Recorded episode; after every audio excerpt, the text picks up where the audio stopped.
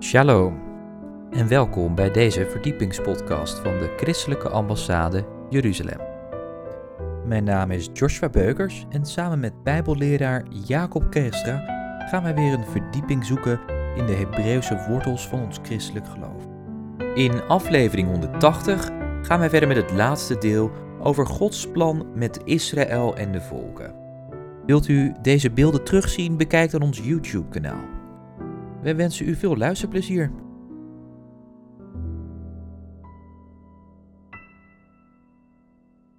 De golf van Israël betekent dat Balfour, dat was een, en dat kabinet van Lloyd Jones, die waren christenen. En die wisten, wij zijn in deze positie geplaatst om iets goeds te doen voor Gods volk. Jongens, we krijgen allemaal een kans in ons leven. En wat gaan we dan doen, hè? Gaan we het volk zegenen of gaan we er andersom? Nou, in ieder geval, toen het Britse mandaat 30 jaar er had verstaan, 1947, de Volkerenbond zegt, nou moet er echt een Duitsland voor Israël komen. Maar de Britten rustig aan, hè. Want die wilden zelfs na de holocaust eigenlijk geen Jood toelaten in het land, hè. Als je die schepen van de Exodus, de Haganah en zo leest, nou, dan denk je, jongens, die moesten nog teruggestuurd worden naar Cyprus. Eigenlijk teruggestuurd worden naar Marseille en eh, dan ook nog naar Hamburg. Dat waren, maar goed, wij Nederlanders deden niet beter, hè. Dus eh, in Nederland, eh, ben, bent u wel eens in Yad Vashem geweest? Nou, je schaamt je de tenen uit, hè, als Nederlander. Wij zijn het land met het hoogste percentage Joden die weggevoerd is. Nog meer dan Nazi-Duitsland, hè? Dat was heel simpel voor Hitler. Die loofde gewoon 10 gulden uit voor iedere Jood die we aangaven. Nou, eh, voor de pony is er een hoop te doen. En toen hebben die goudsticker. eh, Oké, we gaan even zo. Dus Israël in 1948, u kent die tekst uit Jesaja 66, kan een volk in één dag geboren worden. Nou. 14 mei om 12 uur streken de Britten de vlag in Tel Aviv. En dat wisten de Joden. Had de Britten niet verteld, maar de Joden kwamen erachter. Dus zei, wij moeten op diezelfde dag de staat Israël uitroepen. Dus tussen 4 en half 5, daar Ben Gurion, de staat Israël uitgeroepen. Ze moesten de dag van tevoren nog in een kledingzaak in Tel Aviv een stukje perkament zien op de uh, snorren om de voorwet daarop te schrijven. Dus het moet allemaal haastig gebeuren. En precies één dag voordat de staat is, Israël is uitgeroepen, één dag van tevoren is die Jezaja-rol uit Qumran in Joodzaal nog gevallen. Jongens, dat was het bewijs dat God waard onder zijn woord en zijn volk. Want die Jezaja-rol, 66 hoofdstukken, is de Bijbel in een notendop. En die is duizend jaar ouder dan alle teksten die we tot dan hadden. We hadden de Codex Leningradinus, die was van het jaar 1000. En nu had je een tekst uit het jaar 0. Dus duizend jaar ouder.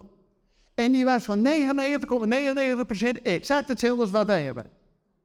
Nou, dan zie je dat, is, dat God Israël heeft gebruikt, want aan hem zijn de woorden van God toevertrouwd. Als hij dat aan de Nederlanders had gedaan, was er misschien meer commentaar geweest dan inhoud. Ja? Oké. Maar goed. En dan natuurlijk 1967 dat Jeruzalem verenigd is. Ik zei, er waren drie voorwaarden voordat Jezus terug kan komen. Ten eerste dat het evangelie de wereld rond is. Nou, dat zijn die eerste gevolgen van de verspreiding en de verdieping van het evangelie. De tweede voorwaarde is, God zal zijn volk verspreiden en hen terugbrengen. Dus de golven van de. En de opbouw van Israël. En de derde voorwaarde voordat Jezus terug kan komen is dat hij tegen de inwoners van Jeruzalem zegt: Gij zult mij niet meer zien. Totdat gij zegt: Bij zegerij die komt. Matthäus 23, 37. Dus het gaat uiteindelijk allemaal om Jeruzalem. En hadden vanochtend uh, gebed dat uh, 288 uur non-stop bidden voor Israël, Midden-Oosten en de wereld. En wij doen als Nederland ook niet mee. En we werden in het, geleid, eh, in het gebed geleid naar Zacharia 12 over Jeruzalem.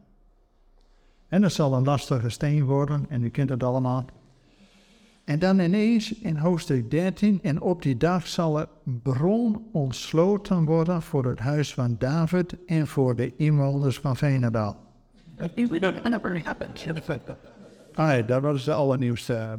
Nee, er staat op die dag zal een bron ontsloten worden voor het huis van David en de inwoners van Jeruzalem. De reiniging en heiliging. Nou, eventjes uh, Israël, hè, die golvende 1867, Queen Victoria. 1897 het Sionistencongres. 1917 Balfour-declaratie, Britse. 1948 pas de staat Israël. Maar dat is ook niet toevallig, hè? Abraham, de stamvader van Israël, is geboren in het jaar 1948 vanaf Adam gerekend. Vanaf het echte nul. En als we het geboorte van Jezus op nul zetten, 1948, de nieuwe staat van Abraham in zijn nageslacht. Jongens, we hebben een God die het niet uit de hand loopt, hè? Oké. Dus we kennen ook die Holocaust-psalm. Ik eet asselsgras en het is mij gedaan, very good. En dan staat er, maar de tijd om Sion genadig te zijn is gekomen. De vastgestelde tijd is aangebroken. Nou, 1948. Kan een volk in één dag geboren worden? Jongens, in een half uur. Allemaal profetieën die uiteindelijk om Jeruzalem draaien. Nou, dan 1967 dat Jeruzalem verenigd is. En pas in 1980 dat Jeruzalem verklaard is tot eeuwige hoofdstad van de staat Israël. Toen hebben 13 landen hun ambassades uit Jeruzalem weggehaald. De Nederlandse ging als nummer 13 met de staat tussen de benen weg. Want we hadden toch liever dat onze heilige koe de auto ging rijden op Arabische olie dan dat we Israël uh, gingen steunen. Tot 1980 waren we pro-Israël. Vanaf 1980 waren we voor de olie. En die kwam uit de Arabische landen. Dus ja. Als we nou ineens gas uit Israël betrekken, worden we dan ook weer pro-Israël? Ja. Ik moet de eerste D66 minister nog zien die dat doet. Maar ja, als je een energieplafond hebt, dan moet je het toch wel doen. Zeg het maar. Jongens, het gaat om Jeruzalem. Gij zult mij niet meer zien totdat gij zegt. Maar ook Jeruzalem zal vertrapt worden door de heidenen, totdat de tijden van de heidenen vervuld zal zijn. Nou, 1948 is al een behoorlijke slag. 1967, 1980. En toen al die 13 landen hun ambassades werden, waren de christenen op het Loofhoetenfeest. Die zeiden, dan moeten we nu een statement maken. Want onze regering kan wel weg willen. Wij willen als christen nu naast Israël gaan staan en zeggen, Israël, je staat niet alleen. Toen hebben ze in 1980 op het Loofhuttefeest de internationale christelijke ambassade te Jeruzalem geopend. En nu, weer zoveel jaar later, 1967 en toen weer precies 50 jaar later, dat Amerika ons voorbeeld gevolgd heeft in 2017. Trump, notabene, die heeft wat al die Amerikaanse uh, presidenten al beloofd hadden, maar nog nooit hebben ingewilligd. Die heeft half december uh, de Amerikaanse ambassade naar Jeruzalem gebracht. Ja, dus, en in de slipstream daarvan, oh, Guatemala en Honduras en weet ik wat. Dus, oké. Dus het gaat uiteindelijk allemaal om Jeruzalem. Maar ik wil nog één golf extra hierin doen. En dat is de laatste. Er is ook in het geestelijke dat God gezegd heeft bij de uittocht. Er zijn drie feesten om te naderen tot God te Jeruzalem. Hey, dus niet alleen fysiek, maar ook geestelijk. En het gekke is, vanaf de reformatie, even weer terug die eerste weet u nog, de, verdiepingsslag, reformatie. En dan methodisten, baptisten uh, enzovoort. De reformatie wou weer terug naar het woord. Amen. En het deden precies als de eerste gemeentes, de eerste eeuwen. En in de eerste eeuwen, als je christen wilde worden, dan moest je drie jaar catechese volgen. Je mocht eerst nog niet in de gemeente komen. Je was eerst toehoorder. En als je drie jaar catechumen, catechese had gehad, dan werd je in de paasnacht gedood. En daarna met de opstandingsdag kon je in de gemeente werd brood en wijn gedeeld. Dan was je lid van de gemeente. Dat is later in de katholieke kerk natuurlijk helemaal verwaterd. Je kent het allemaal wel. Maar de reformatie heeft juist weer teruggehaald, terug naar het woord, maar is ook Pasen het centrale feest geworden. Weet je dat Calvijn, die was dan niet de eerste, dat is Luther, maar de vorige generatie was Calvijn. Van Calvijn is geen enkele kerstpreek bekend, hè? Die vierde helemaal geen kerst. Het feest voor de mensen aan de Reformatie was Pasen. Dus er was vooral terug naar het woord en Pasen. Feest van de eerstelingen. Amen. De Methodisten en de Baptisten hebben ook gewoon die traditie aangehouden. Pasen was het feest. Pas met de volgende golf, de Pinksterbeweging, als Street, kwam er ineens aandacht voor het werk en de vervulling en de gavelaten van de geest. Er kwam ineens ook het wekenfeest, het Pinksterfeest weer op het toneel. En dan met name Stichting Opwerking, laatste 50 jaar, met name de Pinksterboodschap in Nederland heeft uitvervent. Dat kan door Thiel Osborne in 56, dat hij op Malieveld kwam en toen uh, opwerking en je kent het wel. Oké. Jongens, daarvoor was het Pinksterfeest, nou ja, leuk. Pasen was het grote feest. Nou, daarna kwam dus ook het Pinksterfeest op een proppen. De laatste 50 jaar. Maar Pasen en Pinkster zijn beide voorjaarsfeesten, eerstelingfeesten. En wat zien we nu? Dat eindelijk ook het belangrijkste feest serieus wordt genomen. En wat lezen we in Efeze 2, vers 18? Dat we door Jezus, beide, Jood en niet-Jood, in één geest tot het hart van de Vader. En vorige keer gaat, Jezus is de deur tot de Vader. Dat we niet bij de deur moeten blijven, maar naar de Vader. Jezus verweet altijd naar de Vader. Het bad ook niet, want uh, bidden wij? Nee, het onze Vader. He, Jezus verwees alleen maar naar de Vader. Oké. En nou naar de feesten. Pesach, Paas in onze traditie, is het feest van de Zoon.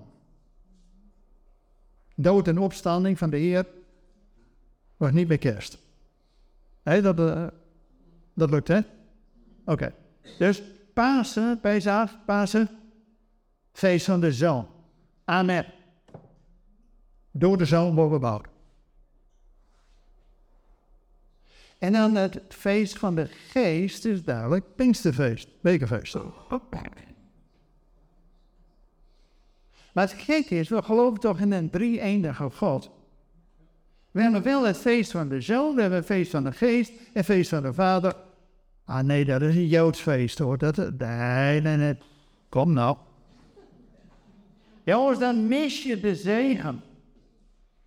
En het gaat uiteindelijk om de maaltijd des de breien van dat land, de oogst van alle volkeren. Ze geloven de feest. Kijk, nu heb je nog die Joodse profeet. Jona, die ging de wereld in. Toen Nineveh, de grootste stad die er toen was. En die zat daarna alleen in een lovertje af te wachten. Het is niet de bedoeling dat Israël alleen in zijn puppy in een lovertje zit. Want wat staat in het laatste hoofdstuk van de Bijbel, op mij 21, 22? God zal zijn tent, zijn loofhut over ons uitspreiden. En Zachariah 14, er komt de dag dat we allemaal het kerstfeest gaan vieren. Staat daar niet hoor. Er staat, dus zullen alle volken opgaan naar Jeruzalem om daar het te vieren. Drie jaar geleden. Veel corona was ik op het loofhuttenfeest. Maar nog maar de 5.000, 6.000. Oké. Hadden we voor het eerst een groep uit Egypte gesponsord. Heb ik niet verteld, hè, vorige keer? Nee, oké. 16 of, of 19 evangelische christen uit Egypte hadden wij gesponsord om naar gaan. En ik zat met de hele groep in dat hotel. En op één dag heb je de Jeruzalem Master. Ken je misschien. En ik was met mijn Nederlandse groep daar. En uh, Paul voor mij liep die groep van Egypte. Dus had ik precies, liep voor mij. Op een gegeven moment wordt de leider van de band wordt gebeld door een vriend van hem in Cairo. Die vriend zegt, je moet even luisteren. Nee, zegt Horsaf, mijn voeten staan in Jeruzalem. Jij moet even luisteren. Ik heb je zo net naar even mijn voeten staan in Jeruzalem. Dan ben ik hier, stom me niet. Ja, zegt die vriend, je moet toch even luisteren. Nou, oké, okay, zit er. Paul voor mij, hè, gebeurt er. Hij zegt, het regent hier. Het is Wat staat er in Zachariah 14? Alle volken zullen opgaan naar Jeruzalem om het Loofhuttenfeest te vieren. En als Egypte dat nou niet doet, zullen ze geen regen ontvangen. Nou, komende evangelische christen komen naar Jeruzalem. En notabene in oktober komt de regen in Cairo. Hoor net wat we in de tekst hebben. Sorry. Vervolgens in Jesaja 19 in dat de Egyptische worshipleiders gaan naar Mosul. Het Bijbelse Nineveh. En hebben daar 100 uur praise worship. In Nineveh, waar de Jona in zijn puppy in een loofhut zat. Het is niet de bedoeling dat hij in zijn puppy zit. Het loofhuttenfeest is het feest voor de volkeren. God heeft visie. Nou, wij nog. Dus als het niet, jongen, het is toch gek. We geloven allemaal in drie enige God. God van Abraham, God van Isaac God van Jacob. Vader, Zoon en Heilige. En we hebben wel het feest van de zak. We hebben het feest van de geest. Het feest van de vader. Nou, hij redt het wel. Jongens, als we visie hebben God wil, dat we de... En dan komen al die blijde zalen. Hij gaat het evangelie de wereld rond. En hij gaat de Joden terugbrengen. Gaat zijn volk tot de eenheid maken. Zodat ook die derde, dat is zelfs Jeruzalem. En waarom is het nou zo'n strijd om Jeruzalem? En de, voor het huis van David en de van... Sorry, de derde een beetje... Oké. Weet u, als koning David oud is geworden, gaat zijn oudste zoon Absalom die denkt, ik wil op het plus. En die heeft uh, zichzelf al uh, drie jaar uh, van alles. En die heeft zichzelf tot koning uitgeroepen. En op het koninklijk maalduur. En liest dat gewoon eventjes van David. Zonder zijn paai te verwilligen. Ging op naar, van Hebron op naar Jeruzalem. No time to waste. Nou, hij deed alles wat het verboden. Maar David had ervoor gekozen om niet te vechten met Absalom. Hij gaat vanuit de stad David over de Olijfberg naar het overjordaanse. En wacht hoe het afloopt. Nou, je weet, hè, Absalom. Als je helemaal goed zit, bleef er niet Nee, je kent het wel. En dan staat er, heel Israël kwam bij David wordt weer koning over ons. En dan komt David bij Gilgal, Golgotha. En heel Israël kwam, daarvoor wordt het ook over ons. Want Absalom is niet meer. Maar Juda en Jeruzalem kwam nog niet. En dan zendt David boden uit naar de inwoners van Jeruzalem. In Samuel 19 kun je dat lezen. Bent u de laatste die uw koning welkom heet? Wat logisch, als de koning weg is en de iemand van Jeruzalem, de maakt het zelf. En als die David er weer is, dan, ja, dan is die weer de koning. Jongens, wanneer Jeruzalem en Israël een ontmoeting heeft bij Gilgal, Golgotha, en als ze hun Messias, de zoon van David, welkom heten, kan alleen als er eerst een bron ontsloten wordt voor het huis van David en de inwoners van Jeruzalem. Maar dat is het derde en laatste, wanneer ook Jeruzalem rode loper uitlegt. Dan is het tijd dat God tegen zijn zoon zegt, dan wordt op de berg des Heren, Jesaja 25, een maaltijd bereid voor alle volk. Met belegen wijn, de vette spijs, noem maar op. Dat wordt de grootste barbecue aller tijden. God heeft visie. Niet alleen de maaltijd des Heer, waarop Jezus zegt, ik zal vanaf nu niet meer van de vrucht van de wijnstok drinken, totdat ik een nieuw ga een koninkrijk van mijn vader. Dus wanneer Gods koninkrijk komt op uitnodiging, dan komt ook die bruidegom om niet alleen die maaltijd voor te zitten, maar ook die, het huwelijk met die bruid. Wie is de bruid van God? Israël, en daar mogen wij bij horen. Maar God is getrouwd met zijn volk. Jongens, God was getrouwd met zijn volk, maar zijn volk ging andere goden achterna, ontucht. Dus God geeft zijn volk een scheidsbrief mee. Dan kan hij niet weer met zijn volk trouwen. Tenzij de zoon, de bruidegom, sterft. Dan is de scheidsbrief weg. En dan kan er een nieuw huwelijkscontract komen. Daarom moest Jezus sterven. Zodat er een nieuw verbond en hij zijn volk weer tot zich kan trekken. Wanneer de vader zegt, nou, jongens, het wordt spannend. Maar betekent ook dat we beiden, hè, dus door Jezus, bij de Jood en niet-Jood, tot het hart van de vader gaan. En dat heeft alles te maken dat we door Pesach en het weken Weespaas en Pinkster eigenlijk visie hebben voor verder werd. En daar ben ik blij dat ik bij de Christelijke zit.